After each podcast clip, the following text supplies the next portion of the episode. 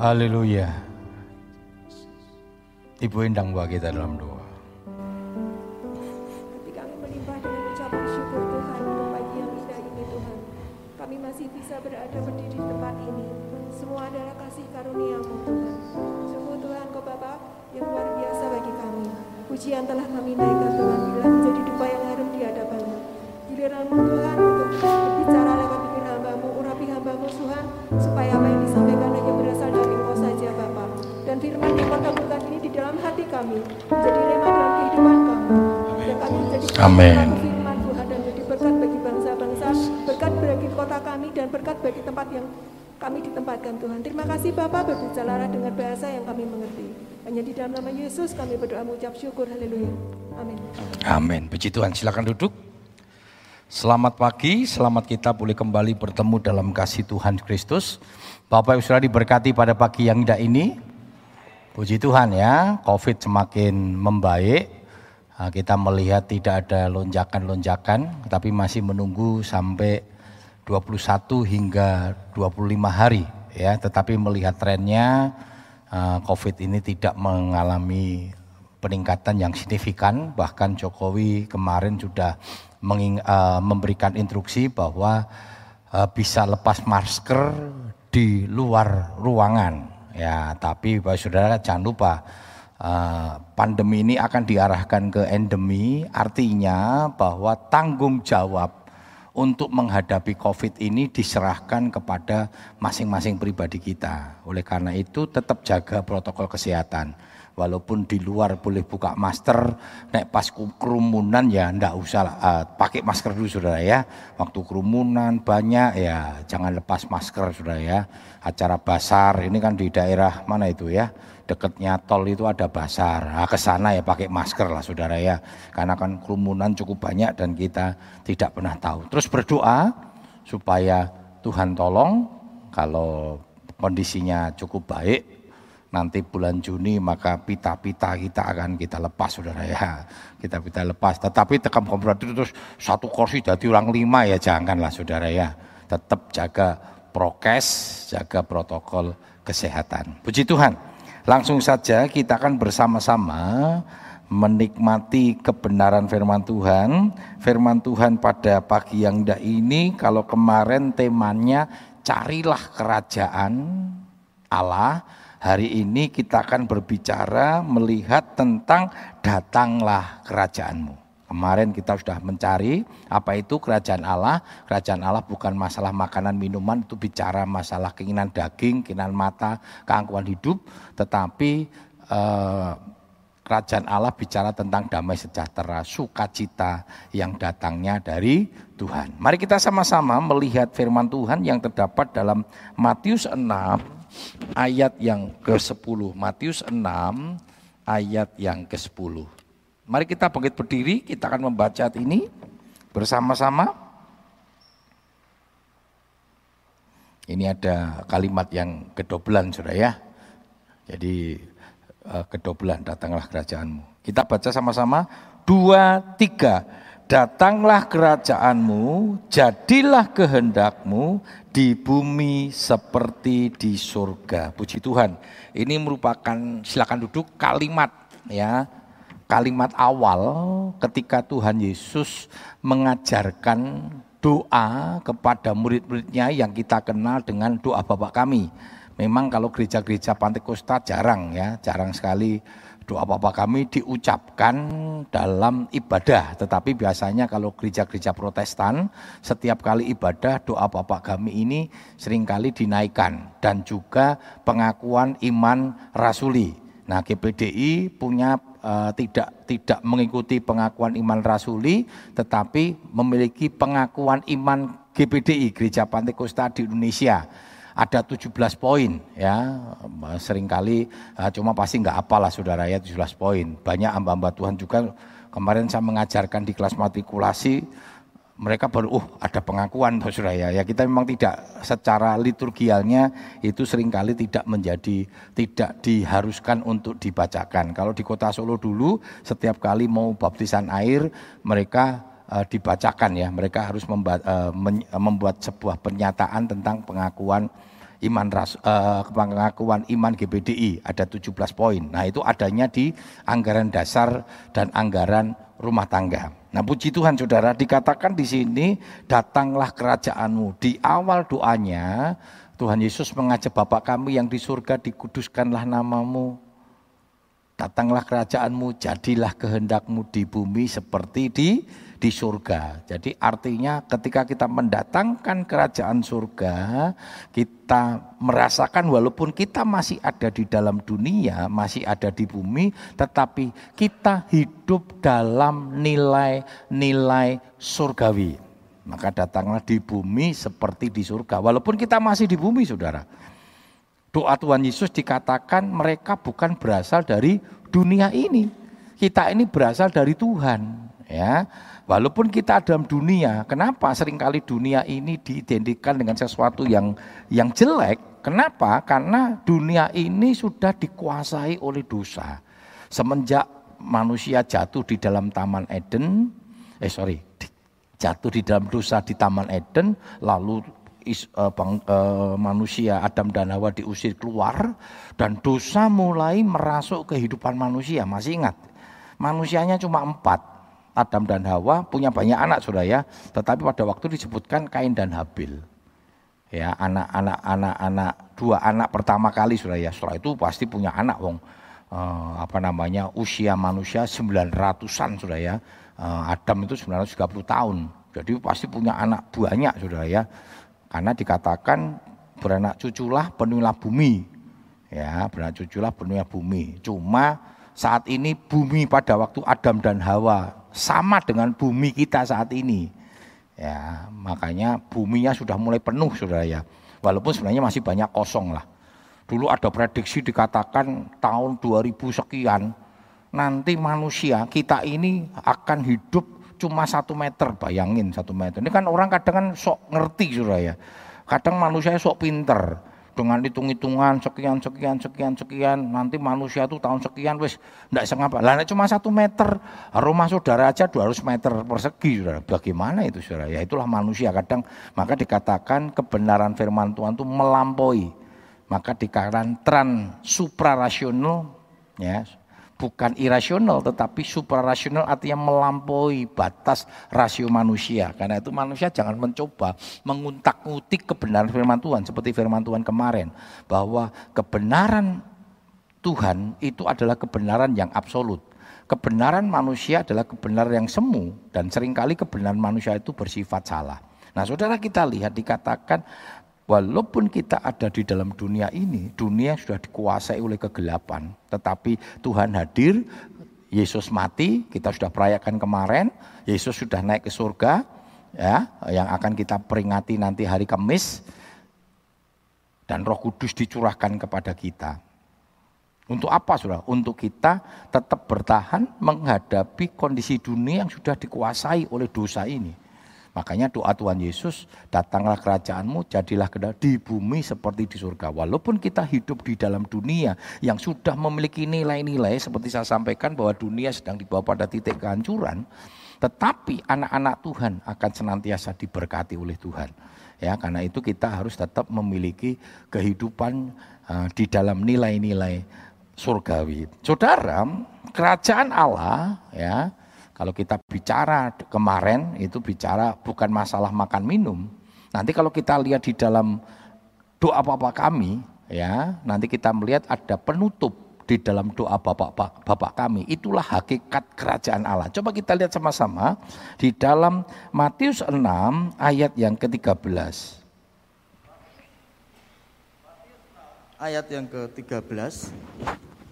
Dan janganlah membawa kami ke dalam pencobaan, tetapi lepaskanlah kami dari yang jahat, karena engkaulah yang mempunyai kerajaan dan kuasa dan kemuliaan sampai selama-lamanya. Iya, puji Tuhan dikatakan karena engkaulah yang empunya kerajaan dan kuasa dan kemuliaan sampai selama-lamanya. Kerajaan Tuhan tidak berasal dalam dunia ini. Firman Tuhan katakan bahwa kerajaan-kerajaan di dunia akan diguncangkan.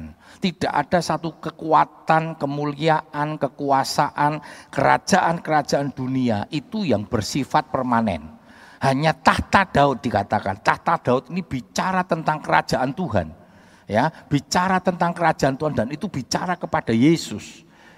Jadi Yesus itu sering kali disebut juga Yesus anak Daud, Saudara tahta Daud itu tidak berkesudahan. Tetapi kerajaan-kerajaan dunia dikatakan akan diguncangkan. Sudah lihat sejarah sudah. Mesir dulu punya kekuatan yang luar biasa. Akhirnya diguncangkan. Ada Persia. Persia itu bicara Irak. Irak itu dulu menguasai dunia. Toh diguncangkan. Ada Romawi yang menguasai dua per tiga dunia. Pada zamannya Tuhan Yesus lahir. Ya, itu pada zaman Romawi sudah. Tetapi kerajaan Romawi pun diguncangkan bahkan sekarang menjadi kerajaan yang begitu kecil padahal dulu menguasai dua per tiga dunia. Nah firman Tuhan katakan kerajaan-kerajaan dunia akan diguncangkan dan tidak ada satu kekuasaan di dunia yang bersifat permanen. Kita lihat dulu ya, ada Gaddafi, ada Saddam Hussein yang memerintah begitu cukup lama. Nah saat ini masih korut sudah, Korea Utara. Satu kali akan diguncangkan oleh Tuhan. Kita masih ingat dulu ada zamannya Bapak uh, Orde Baru, toh akhirnya diguncangkan juga. Tidak ada satu kekuatan duniawi yang akan bisa bertahan secara permanen, hanya kekuatan Tuhan. Karena itu sering kali saya sampaikan kepada teman-teman, gereja kita GPDI, kalau kita menganut sistem kerajaan duniawi dengan cara-cara duniawi, maka ini akan diguncangkan oleh Tuhan. Karena itu kita harus menganut sistem-sistem ilahi, kerajaan surga. Ya, kerajaan surga. Saudara kita lihat bersama-sama, Yesus akan memerintah atas hidup orang percaya. Ketika bicara tentang kerajaan, itu bicara tentang pemerintahan. Dan Yesus adalah raja di atas segala raja. Pada waktu nanti kerajaan seribu tahun damai, kita orang-orang percaya akan memerintah bersama-sama dengan Tuhan. Dan dunia ini, ya dunia ini akan disempurnakan oleh Tuhan. Maka di dalam bahasanya uh, Alkitab bahasanya kita sebagai orang-orang percaya kalau secara duniawi uh, secara duniawi semua agama-agama menyebut ada uh, neraka dan surga. Tetapi kalau kita sebagai orang-orang percaya dikatakan kematian kekal dan kehidupan kekal. Kehidupan kekal nanti akan bermuara setelah kerajaan seribu tahun damai disebut dengan Yerusalem baru. Ya, Yerusalem baru. Nah kita lihat sama-sama ya nggak usah mikirin ke titik itu sudah. Pokoknya nikmati saja hidup benar bersama dengan Tuhan itu pelajaran tabernakel sudah ya. Pelajar tabernakel ya satu kali kita akan melihat titik ke sana supaya kita lihat kita belajar juga tentang tabernakel bagaimana peta zaman juga ya. Peta zaman yang sudah mulai banyak orang-orang yang mulai melupakan ya. Bahkan uh, hamba-hamba Tuhan yang muda sering kali nggak pernah tahu Makanya di sekolah kitab kami di SAM kita kembalikan lagi pelajaran-pelajaran itu karena itu pelajaran-pelajaran Pentakosta. Peta zaman ditemukan ditemu, uh, di, uh, dimunculkan oleh Bapak Van Kessel. Bapak Van Kessel itu adalah salah satu pionir ya pendiri GPDI ya walaupun akhirnya tahun 1947 Bapak Van Kessel beserta dengan tiga hamba Tuhan, Bapak Yap Xiong I, Bapak El Senduk, dan salah satunya pendeta eh, GPDI di uh, Rawa Kemiri, mereka mendirikan satu organisasi namanya Gereja Betel Injil Sepenuh. Itu salah satu gembala saya ikut-ikut mendirikan itu saudara ya. Tetapi pengajarannya masih pengajaran Pantekosta. Coba kita lihat dalam Filipi 2 ayat 10 hingga yang ke-11. Filipi 2 ayat 10 hingga 11 supaya dalam nama Yesus bertekuk lutut segala yang ada di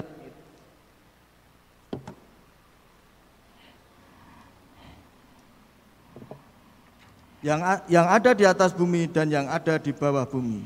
Dan segala lidah mengaku Yesus Kristus adalah Tuhan bagi kemuliaan Allah Bapa. Iya, dikatakan bahwa segala lutut akan bertulut ber, eh, bertekuk lutut, segala lidah akan mengaku bahwa Yesus itu Tuhan, ya. Luar biasa Saudara. Tetapi nanti kalau kita lihat ayat ini muncul setelah ada ayat ke-7 ke-8 dikatakan Tuhan Yesus tidak menganggap kesetaraannya sebagai milik Allah untuk sesuatu yang dipertahankan. Tetapi dia merendahkan diri sedemikian rupa. Bahkan dia mati di kayu salib saudara, dalam kemanusiaannya. Oleh karena itu dikatakan akhirnya setiap orang, setiap lidah akan mengaku, setiap lutut akan bertelut. Yesus itu Tuhan. Bahkan dia akan berkuasa di bumi, di atas bumi. Artinya apa? Maut itu bukan miliknya setan. Yesus sudah mengalahkan maut. Artinya dia berkuasa atas di bawah bumi. Di bumi dan di atas bumi. Di atas bumi bicara surga saudara. Dan Tuhan berkuasa atas itu. Ini bicara tentang bagaimana Tuhan mendapatkan otoritas sebagai raja. Dan kita sebagai umat-umatnya, kita menjadikan Tuhan itu raja di dalam kehidupan kita. Artinya Tuhan bertahta dalam hidup kita. Tuhan punya otoritas atas hidup kita. Ya, kalau di di apa namanya di Jawa saudara khususnya di Solo ratu raja itu setiap titah raja itu dianggap seperti titahnya Tuhan.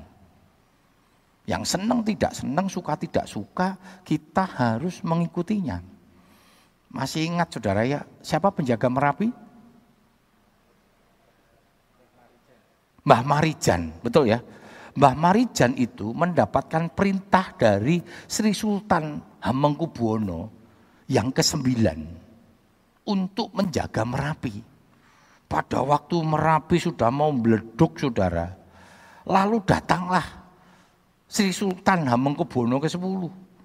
Dia berkata, Mbah Marijan turun, turun. Dia nggak mau saudara. Karena bagi dia titahnya Raja Sri Sultan Hamengkubuwono ke-9. Dia ketika turun, dia harus mendapatkan perintah dari Raja ke-9 saudara. Nah, dia bilang dia nggak dapatkan perintah. Lalu dia berkata, saya diminta oleh raja saya. Dan itu dianggap tahta Tuhan, eh, titah Tuhan saudara. Saya akan turun.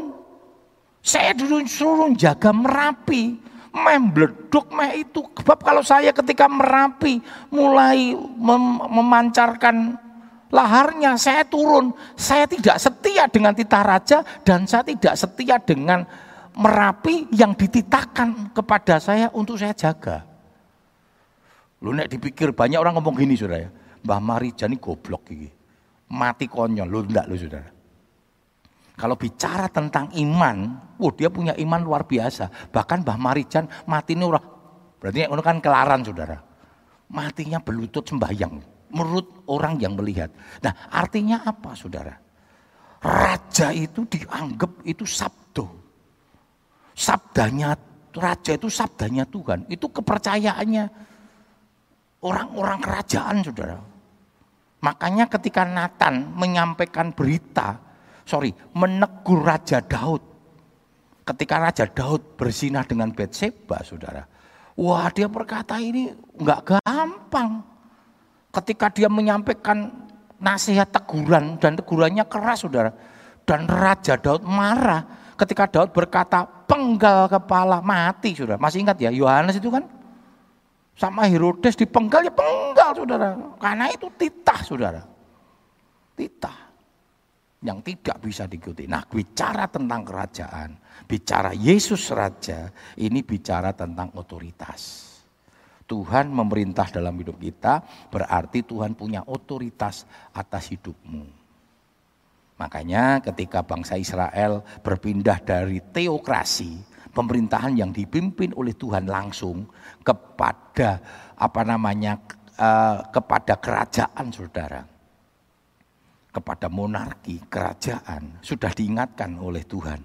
Kalau kamu minta jadi kerajaan, ingat loh, raja itu punya otoritas. ketika dia ambil anak-anakmu perempuan menjadi selir-selirnya, nggak bisa nolak saudara. Berani nolak mati. Kamu harus bayar upeti, kamu harus bayar pajak. Diingatkan loh. Tapi orang Israel kan ngeyel. Wah pokoknya tetap jaluk rojo saudara. Padahal jadi dipimpin Tuhan langsung ini penak banget loh saudara. Kita lihat perjalanan bangsa Israel melewati padang gurun 40 tahun itu kan dipimpin Tuhan langsung. Dan luar biasa saudara. Nah ketika kita bicara tentang kerajaan berarti Tuhan akan menjadi raja atas hidup kita. Dia punya otoritas atas hidup kita. Saudara, Yesus raja di atas segala raja, Tuhan di atas segala Tuhan. 1 Timotius 6 ayat 14 hingga 15. 1 Timotius 6 ayat 14 hingga 15. Turutilah perintah ini dengan tidak bercacat dan tidak bercela. Hingga pada saat Tuhan kita Yesus Kristus menyatakan dirinya yaitu saat yang akan ditentukan oleh penguasa yang satu-satunya dan yang penuh bahagia, raja di atas segala raja dan tuan di atas segala tuan. Perhatikan saudara, raja di atas segala raja. Nah kalau kita bicara raja di atas segala raja, itu bukan hanya bicara tentang raja di atas segala raja di bumi saudara.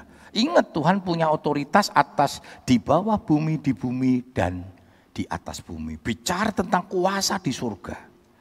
Bahkan ketika Markus berkata di, uh, di dalam kitab Mazmur berkata, berkata, kuasa di surga dan di bumi diberikan kepada Tuhan. Dan dia juga berkuasa atas kuasa-kuasa raja-raja di bawah bumi ini bicara tentang kuasa-kuasa kegelapan. Ada ndak ada kuasa kegelapan itu ada. Setan itu punya kuasa nggak punya. Tetapi kuasa setan tunduk kepada kuasa Tuhan. Masih ingat ketika peristiwa di Gadara. Tersungkur itu. Kitab Yakobus katakan apa? Kitab Yudas dikatakan bahwa tuh uh, setan itu kalau mendengar nama Yesus gemetar dikatakan takut saudara. Karena Yesus adalah Tuhan. Makanya ngapain kita ini cari raja-raja roh di luar kekuatan Yesus saudara. Ada enggak ada. Kenapa saya katakan ada? Buktinya saudara ngasih sesajen, bawa upeti. Itu kan sebenarnya upeti-upeti yang kita berikan saudara. Bapak ibu saudara yang punya latar belakang seperti itu saudara. Saya, lah, uh, saya hidup di, uh, papa saya itu kejawen saudara. Saya tahu setiap malam Jumat Kliwon kami harus memberikan upeti. Upeti ini apa saudara? Kembang setaman. Di setiap pojok-pojok rumah. Itu tugas saya saudara. Pokoknya setiap malam Jumat saya harus memberikan apa namanya di titik-titik. Dan saya yang beli sudah tak ini wah luar biasa. Makanya saya ini kalau jadi pendeta sudah bukan karena hebatnya saya. Itu karena kasih karunia Tuhan tuh. Bayangkan kalau Tuhan tidak menangkan saya saudara. Saya sudah di mudin saudara. Bahkan sudah di dukun saudara. Tapi Tuhan tangkap makanya saya harus bilang sama saudara-saudara saya saudara. Kita ini kalau bukan karena kasih Tuhan saya bukan lahir dari keluarga Kristen, saudara. Keluarga kelenian, saudara. Ya, tapal-tapal kuda. Wah, dulu kalau adik saya pernah satu kali nangis orang mandek-mandek, saudara. Itu bukan didoakan, ditupang tangan. Ya, di tempat adik saya di tempat tidurnya digali sudah dikai sesajen di situ no. Ya, tapi bersyukur saudara, Kematian Yesus, darah Yesus sudah menyucikan dosa dan menyucikan dosa nenek nenek moyang. Maka dikatakan kamu telah ditebus dari cara hidup nenek moyangmu yang sia-sia. Luar biasa saudara. Allah kita dahsyat. Makanya nggak usah cari kekuatan-kekuatan. Dan saya bersyukur ayah saya akhirnya bertobat saudara. Ayah saya bertobat. Dan itu karena kasih Tuhan. Karena Isa menyadari tidak ada raja di atas segala raja seperti kekuatan Tuhan. Nah kita sudah punya Yesus, raja di atas segala raja. Ngapain cari-cari yang lain? Ya, yang kedua, bicara tentang kuasa. Ya, bicara tentang kuasa. Kerajaan Allah itu bicara tentang kuasa. Coba kita lihat sama-sama dalam Matius 28 ayat 18. Matius 28 ayat yang ke-18. Yesus mendekati mereka dan berkata, Kepadaku telah diberikan segala kuasa di surga dan di bumi. Perhatikan saudara, dikatakan kepadaku diberikan kuasa di surga dan di bumi. Nanti setelah dia punya otoritas kuasa itu, ayat 19 dan 20 dikatakan pergi jadikanlah semua bangsa muridku. Baptislah mereka dalam nama Bapa, Anak dan Roh Kudus. Dan ketua, ketahuilah Dikatakan apa saudara? Aku menyertai sampai akhir zaman. Disertai dengan apa maksudnya di situ? Disertai dengan kuasa. Ada tiga kuasa yang diberikan kepada kita orang-orang percaya. Yang pertama di dalam Yohanes 1.12 dikatakan setiap orang percaya akan menerima kuasa. Kuasa ini bicara eksosia. Eksosia itu uh, kita di, diberikan kuasa sebagai anak-anak Tuhan. Saudara ketika kita mendoakan ada orang yang kerasukan setan, kita doakan dalam nama Yesus, setan itu pergi. Bukan karena Agusnya hebat. Tetapi karena ada wibawa yang datangnya dari Tuhan. Karena Bapak kita, kita adalah anak Allah.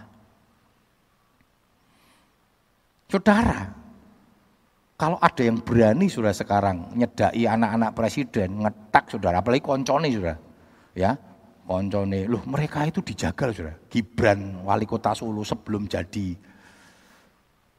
wali kota. Saya pernah ketemu sudah ya. Di satu mall begitu, di satu supermarket gitu. Dia jalan, cuma memang e, protokolnya Pak Jokowi ini kan nggak mau kelihatan kalau presiden-presiden dulu kan kelihatan banget sudah ya, cedak terus rambutnya cepak, walaupun mereka pakai preman itu kan ketok banget. Kalau Jokowi kan nggak mau sudah. Tapi mereka ada di jauh sudah. Ada beberapa orang, saya bilang sama waktu saya ikut, uh, Dio ikut sudah. Dio itu lihat tuh, itu papampres itu, penjaga, cepak rambutnya, belakangnya rodok nonjol itu pistol saudara. Wah ini koncone sing toko SMA, wah Gibran, Wah, di ndase nyel-nyel sudah wetak baik gagang pistol saudara sama pam pampres itu. Bukan karena Gibrannya, karena bapak eh sudah anaknya yang di Singapura dapat karena itu sudah memang memang apa ya haknya seorang presiden itu dijaga betul-betul super VIP saudara. Nggak bisa tuh dijaga saudara. Walaupun ini nggak mau saudara. Yang pasti risih saudara ya. Meneng wedangan ra iso saenake dhewe sudah. Meneng Gibrang, uh, meneng apa wedangan, wah ketemu banyak orang. Jokowi ini kan bikin presnya ketar-ketir. Karena dia biasa senang dengan um, masyarakat sudah. Karpe kan wah salaman-salaman terus. Presnya yang wah mumet dasi sudah. Itu kan harus ngawasi semua. Semua ngawas di di di, di, dilatih sudah. Yang mencurigakan gitu eh cedek Jokowi saudara, saudara berani sudah. Cedek coba Jokowi meh salaman karo terus nyelip tangan-tangan sudah nyelip kayak begitu sudah. Sama meh dudut-dudut oh. Langsung saudara. Pada saudara mungkin meh ngunjungi katok saudara ya. Wong katoke mlotrok-mlotrok lali nganggo sap-sabuk saudara Oh itu saudara bisa, wah ini curiga, ini curiga, ini meh ngopo ini, juga bom atau apa saudara. Luar biasa saudara. Nah itu kuasa, karena wibawa Tuhan, uh, karena kita adalah anaknya Tuhan. Jadi bukan karena kita, jangan sok saudara. Lalu yang kedua dikatakan kratos. Efesus 6 ayat 10. Hendaklah kamu kuat di dalam kuat kuasanya. Itu bicara apa? Otoritas, kuasa atas segala kuasa-kuasa kuasa-kuasa gelap, kuasa-kuasa jahat. Ya, maka dikatakan kenakanlah pelengkapan senjata Allah itu. Tuhan kasih kratos itu. Lalu yang ketiga dunamis, nanti kita baca di dalam kisah 1 8 itu bicara kuasa untuk mengadakan mujizat. Luar biasa sudah. Jadi pada waktu Yesus, aku menyertai kamu sampai akhir zaman. Itu bicara tentang Tuhan memberikan kuasa empowering. Tuhan Yesus memberikan kuasa kepada kita untuk tadi kita menjadi anak Allah. Jadi tidak sederhana kamu kan menerima kuasa menjadi anak Allah itu tentang wibawa sudah. Karena itu jangan takut. Anak Tuhan wedi mbak setan. Lah lucu sudah. Setan yang wedi mbak Tuhan. Makanya mbak anaknya setan ya wedi saudara. Tapi sudah betul-betul jadi anak Tuhan dulu. Percaya dulu, lahir baru dulu. Makanya bukan sekedar nama Yesus. Bukan nama Yesus yang berkuasa. Tapi orang yang percaya kepada Yesus, Yesus adalah Tuhan, itulah yang berkuasa. Karena banyak nama Yesus pada waktu itu. Gak cuma Yesus Kristus, saudara. Saudaranya Yesus pun ada namanya Yesus. Yesus itu banyak namanya. Sudah kalau lihat di Filipina, di ini kan banyak nama Yesus, saudara. Makanya anak-anak sekewa, ini dukun saudara. Ketika melihat Paulus mengusir setan, wah kok enak yo. Dalam nama Yesus, setannya lumoy. Lalu dia ikut-ikut sudah. Tujuh anak sekewa, ada satu orang kerasukan setan. Dalam nama Yesus yang disembah Paulus. Keluar kau. Wah saudara, setannya ngekek saudara. Saudara jangan heran saudara, nanti sudah tidak percaya Yesus ngusir setan, setannya ngekek, sopo kowe. Wah peti melayu saya. Tapi jangan takut kalau kau punya kuasa, walaupun setan mau membuat kita takut saudara. Sopo kowe, diam dalam nama Yesus, keluar. Peti saudara. Peti. Bukan kitanya, kita anak Allah yang punya eksosia tadi. Dan diberikan keratos, kuasa untuk mengalahkan setan.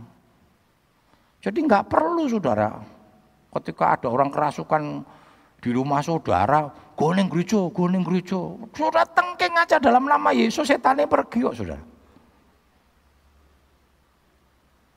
Ada kuasa yang luar biasa, saudara ya. Ada kuasa yang luar biasa yang diberikan pada kita. Mari kita sama-sama melihat. Kisah 1 ayat ke-8. Ketika hari Pentakosta Tuhan mencurahkan kuasa Roh Kudus itu. Itu kan janjinya, Saudara. Aku menyertai sampai akhir zaman. Dan 10 hari kemudian dalam suasana Pentakosta pada hari perayaan Pentakosta ya. Jadi hari Pentakosta itu artinya hari yang ke-50 bukan dicurahkan Roh Kudus, pencurahan Roh Kudus. Pada hari Pentakosta ada peristiwa di loteng Yerusalem di mana Tuhan mencurahkan Roh Kudus dan ini penting Saudara. Hari Pentakosta itu penting. Masa sampaikan kepada panitia coba dibuat acara yang betul-betul selebrasi Saudara. Kita betul-betul memuji, menyembah, memuliakan Tuhan. Karena ini penting, karena itu adalah pentapisan gereja. Kalau bicara ulang tahun gereja Saudara, itu adalah pada waktu pencurahan. Gereja dilahirkan oleh Tuhan. Seperti yang dikatakan dalam Matius ya. Di atas batu karang ini, di atas Tuhan Yesus Kristus, gereja itu akan dilahirkan. Ya, coba kita lihat sama-sama kisah 1 ayat 8. Kisah para rasul 1 ayat ke-8. Tetapi kamu akan menerima kuasa kalau Roh Kudus turun ke atas kamu dan kamu akan menjadi saksiku di Yerusalem dan di seluruh Yudea dan Samaria dan sampai ke ujung bumi. Iya, kamu akan menerima kuasa kalau Roh Kudus turun ke atas kamu. Kalau kita dipenuhkan dengan kuasa Roh Kudus, maka Tuhan akan mencurahkan kuasanya. Gereja Pantai Kosta Indonesia GPDI sangat meyakini tentang kepenuhan Roh Kudus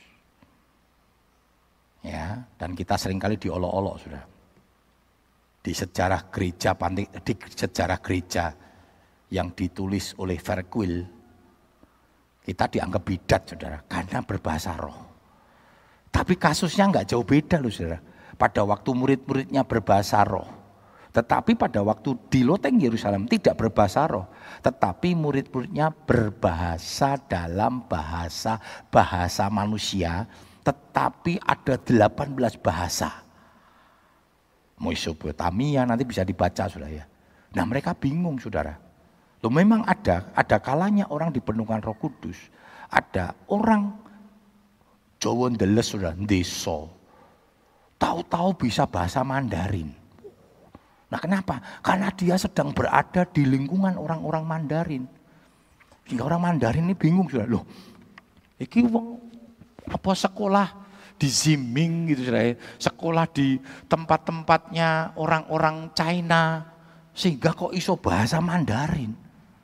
Waktu selesai diajak ngomong Mandarin bingung deh ini saudara. Nah itu dianggap gila. Ingat gak saudara ya?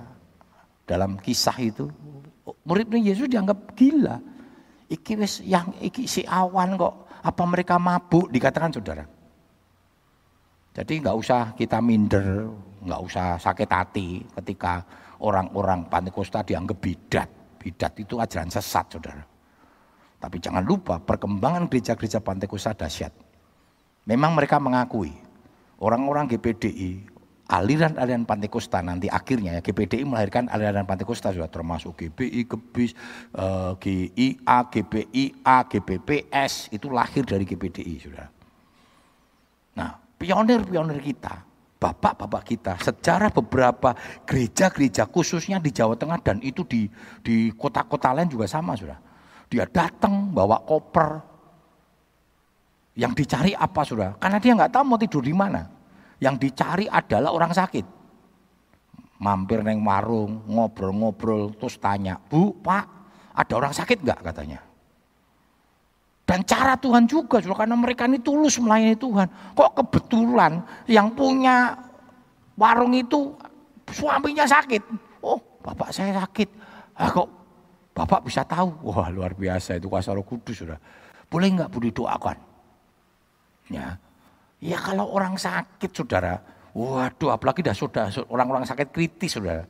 Biasa nih manut, makan doakan orang-orang model begini paling enak saudara. Mau nggak didoakan? Mau. Yang penting mari kan gitu saudara ya. Percaya Yesus, mau nggak? Mau, gampang kok saudara.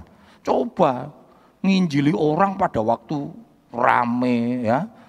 Itu usahanya baru berhasil, baru ini walah.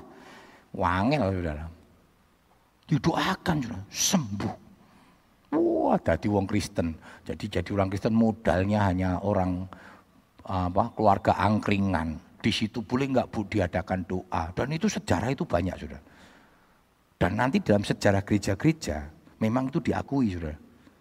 Gerakan Pantekosta, gerakan gereja GPDI itu adalah manifestasi kuasa Roh Kudus. Dan itu memang betul wong Tuhan katakan kamu akan menerima kuasa. Kamu akan menerima dunamis. Dunamis itu bicara tentang kuasa untuk mengadakan mujizat-mujizat. Dan itu firman Tuhan. Dan itu betul. Ya. Yang ketiga, dikatakan tadi bicara tentang kemuliaan. Kerajaan, kuasa, dan kemuliaan sampai selama-lamanya. Perhatikan sudah, kemuliaan yang ada di dunia sementara. Tetapi kemuliaan surgawi itu selama-lamanya. Maka Ibrani katakan apa? Penderitaan-penderitaan yang kamu alami di dunia ini tidak sebanding dengan kemuliaan yang akan Tuhan berikan. Di dunia sementara, saudara. Alkitab berkata 70-80 tahun. Di atas itu penderitaan apa? Di atas itu adalah kemuliaannya penderitaan, saudara. Tetapi kan ada juga yang tidak sampai 80 tahun. Enggak sampai 70 tahun. Karena hidup itu ada di tangan Tuhan, Saudara. Tetapi dikatakan jangan takut. Makanya dulu ada pujian, Saudara ya. Biarku miskin di dunia, kaya di surga. Itu itu yang nyiptakan orang GPDI, Saudara. Mungkin dulu masa-masa susah, menderita ya. Enggak bisa beli susu. Kayak ini apa? Air tajin ya. Air tajin gitu lah ya. Tapi buktinya sehat-sehat kuat-kuat saudara ya. Malah kuat ya saudara. Jangan takutlah. Kuasa Tuhan itu dahsyat. Ya. Tetapi dikatakan miskin yang dunia rapopo. Gen sumben yang surga. Makanya muncul pujian, ku mau di sana. Waktu Tuhan datang, ku mau di sana. Wah, cepat-cepat pulang ya. Ada pertemuan di udara. Kan orang-orang yang pengen cepat-cepat pulang lah saudara belakang langit biru, wah ada mahkotamu, belakang langit biru. Lagu-lagu dulu, zaman dulu sudah. Eh kok ternyata Tuhan berkati. Dengan berkat yang luar biasa. Lagu ini lali sudah bikin pulang. Lagu ini beto. Ku ingin tetap di sini menikmati baitmu. Tuhan aja melisik Tuhan yo, neng dunia kok yo penak katanya saudara. Iso ono hamburger, dolanan YouTube, besok neng surga rana YouTube saudara. Ora iso saudara, saudara di sana neng neng surga terus Tuhan, ayo apa jenenge apa namanya? Selfie sih Tuhan. Wah, Tuhan Yesus ada selfie. Saudara. neng surga rame, pangping, pangping, pangping. Ternyata neng neng Facebook, uh rame, uh sudah bertemu dengan Yesus, saudara. Ditinggal kabeh, saudara. Makanya jangan kalau dia meninggal keluarganya atau orang tua yang percaya Yesus, ojo digawani HP, saudara. HP-nya sumbangnya gereja, saudara. Wah kayak HP, gen neng surga WA-WAnan be saya. Siapa tahu dia di sana nanti sudah bisa selfie sama Tuhan Yesus dikirimi, kita melu bangga tuh. Wih, sedulurku mati, wis ketemu mbak Tuhan Yesus ditunjuk ke saudara. Jadi kita lihat sama-sama. Ya, 2 Petrus 3 ayat 18. 2 Petrus 3 ayat yang ke-18. Tetapi bertumbuhlah dalam kasih karunia dan dalam pengenalan akan Tuhan dan juru selamat kita, Yesus Kristus baginya kemuliaan sekarang dan sampai selama-lamanya. Ya, berarti kan sudah kemuliaan itu milik Tuhan dikatakan. Kerajaan, kuasa dan kemuliaan sampai selama. Bicara bahwa Tuhan itu pemilik kemuliaan. Dan kemuliaan itu dikembalikan ke Tuhan. Kita nggak boleh curi kemuliaan, saudara. Roma 11.36 dikatakan sebab segala sesuatu dari dia, oleh dia, bagi dialah segala kemuliaan kemuliaan Tuhan yang punya kemuliaan. Tidak boleh curi kemuliaan. Maka dikatakan oleh firman Tuhan dalam 1 Petrus 1, 24, 25 ya. Segala yang hidup itu seperti rumput dan kemuliaannya seperti bunga rumput. Enggak ada kemuliaan sampai selama-lamanya di bumi ini atau kemuliaan manusia selama-lamanya. Kemuliaan manusia terbatas, sudah. Karena itu jangan cari kemuliaan untuk diri kita sendiri. Kecewa, berapa banyak orang cari kemuliaan. Kemuliaan yang ada di dalam dunia dikatakan seperti bunga rumput. Kalau kita lihat bunga rumput saudara, mekar pagi hari, siang wis layu. Jangan cari. Tapi serahkan semua kemuliaan itu Tuhan. Ketika engkau melayani, engkau dipuji. Jangan dicuri. Katakan ini semua Tuhan yang punya, bukan saya. Kalau Tuhan izinkan kita menikmati kemuliaannya pada waktu kita masih ada di dalam dunia ini, jangan dicuri. Kembalikan untuk Tuhan. Dan bahkan ketika engkau tidak dipuji, bersyukur. Karena pujian itu bagian jurang, sudah. Berapa banyak kita sering dipuji? Berapa banyak kita sakit hati ketika kita melayani nggak dapat pujian, sudah. Bersyukur. Karena pujian memang itu milik Tuhan bukan milik kita. Dan ketika engkau tidak dipuji ketika engkau melayani Tuhan, jangan takut. Tuhan tahu itu. Kan dikatakan satu Korintus, jerih lelahmu tidak sia-sia. Jangan cari supaya jerih lelah kita dilihat oleh manusia. Lakukan dengan tulus untuk Tuhan. Maka yang dikatakan oleh kitab ini, penderitaan-penderitaan yang kamu alami di dalam dunia ini tidak sebanding. Yesus sudah berikan teladan. Dia kerja habis-habisan untuk kita. Dia melayani untuk kita. Dua, hampir 24 jam saudara.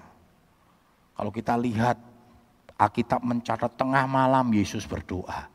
Pagi-pagi buta Tuhan sudah berdoa. Artinya waktunya diberikan untuk kita manusia saudara. Bahkan terlalu banyak orang-orang yang mengalami mujizat dari kuasa Tuhan Kristus. Tapi apa yang dia terima? Bukan pujian saudara. Salibkan dia, salibkan dia, salibkan dia. Apa dia sakit hati? Enggak saudara. Bahkan dia berkata Tuhan ampuni mereka. Kita perlu belajar. Makanya Filipi katakan apa? Hendaklah dalam hidupmu bersama menaruh pikiran dan perasaan yang terdapat dalam Yesus Kristus. Yesus sudah berikan teladan. Dia tidak berkata, Yesus terima kasih engkau sudah sembuhkan saya. Bahkan dia ngalami sudah ya, ada 10 orang yang disembuhkan dari sakit kusta. Satu orang Samaria, berarti bukan orang Israel. Orang Israel begitu mari ngacir orang mengucapkan terima kasih. Yesus ora sakit hati.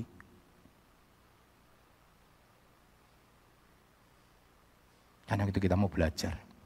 Jangan cari kemuliaan untuk diri kita. Tapi kita mau belajar untuk memuliakan Tuhan. Kita mau banyak belajar. Memang jujur sudah. Manusia paling senang dimuliakan, betul? Paling senang dimuliakan. Siapa bilang gak senang dimuliakan? Gak senang lah kalau direndahkan. Tapi kita mau belajar. Ingat firman Tuhan kemarin, standar kebenaran kita bukan standar kebenaran dunia. Standar kebenaran kita adalah standar kebenaran firman Tuhan yang bersifat absolut dan sering kali kebenaran firman Tuhan bersifat paradok dengan kebenaran manusia. Artinya, sering kali prinsip-prinsip dunia berbeda dengan prinsip dunia yang dianggap benar. Itu pengertian paradok. Tetapi sebenarnya yang benar adalah kebenaran Tuhan. Kebenaran manusia yang kelihatannya benar. Itu bersifat paradok. Artinya kebenaran yang kelihatannya benar ternyata tidak benar. Yang benar adalah kebenaran Tuhan. Saudara, orang percaya yang teruji akan menerima kemuliaan pada hari kedatangannya. Ingat ya saudara, yang teruji. Jangan takut. Pada waktunya nanti seperti firman Tuhan katakan, tidak sebanding dengan kemuliaan yang Tuhan berikan.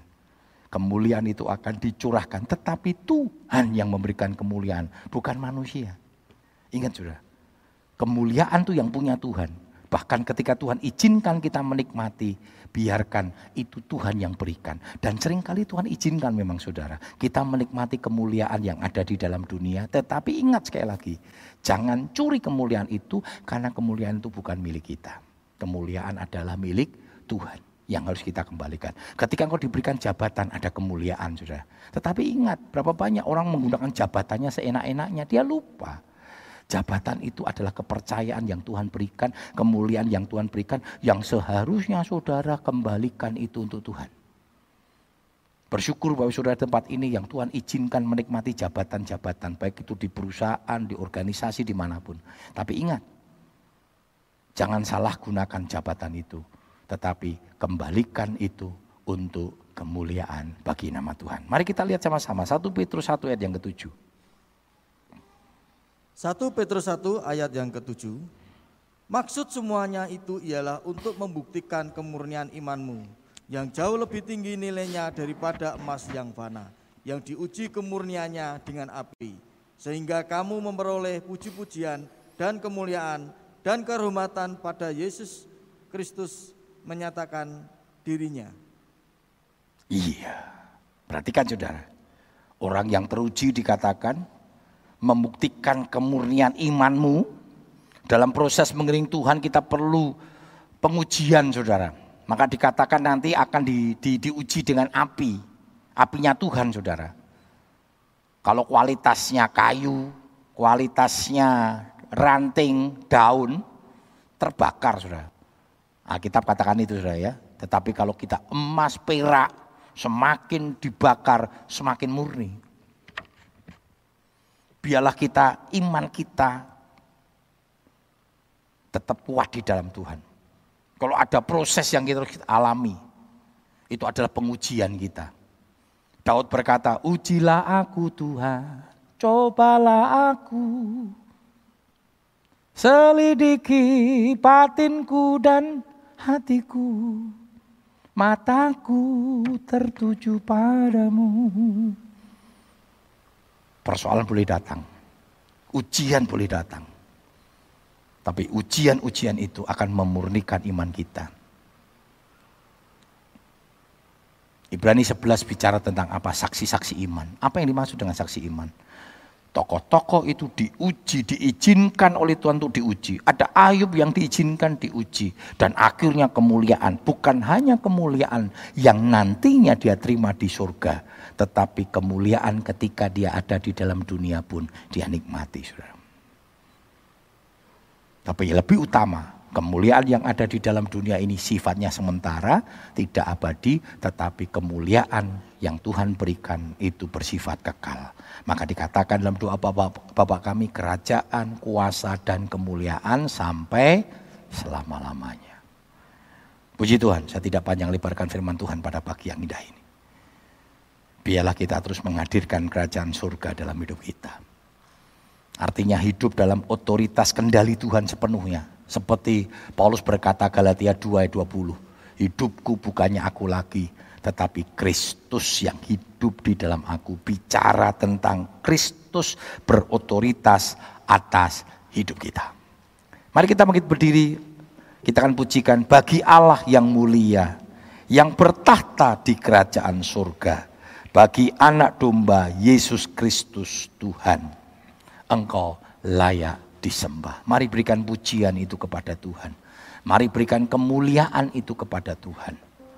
Karena dia empunya kerajaan, kuasa, dan kemuliaan sampai selama-lamanya yang bersifat kekal.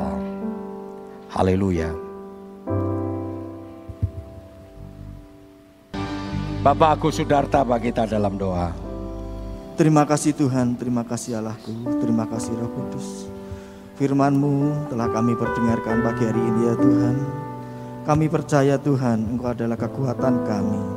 Dan kami percaya Yesus, Engkaulah yang akan menguasai kami Tuhan. Bahkan kemuliaan-Mu tinggal dalam hati kami. Hambamu boleh berhenti bicara Bapak. Tapi firman-Mu tetap tinggal dalam hati kami. Terlebih Tuhan, jemaat yang hadir di tempat ini Tuhan, kiranya Engkau beri kekuatan, beri kekuasaan Tuhan. Kami percaya Yesus imanmu bertumbuh dalam kasih karuniamu ya Tuhan. Terima kasih Tuhan atas pengenalan kasih karuniamu kepada kami Tuhan. Karena kami pagi hari ini telah Engkau murnikan dengan iman kami ya Bapa Dan kami percaya Tuhan Kemurnian iman kami telah keuji pagi hari ini dan firman-Mu tinggal dalam hati kami. Jadikan kami pelaku-pelaku kebenaran firman-Mu ya Bapa. Terima kasih Yesus. Kalau pagi hari ini kami sudah berdoa Tuhan dan mengucap syukur. Dalam berkat nama Tuhan Yesus Kristus kami sudah berdoa. Haleluya. Amin. Amin.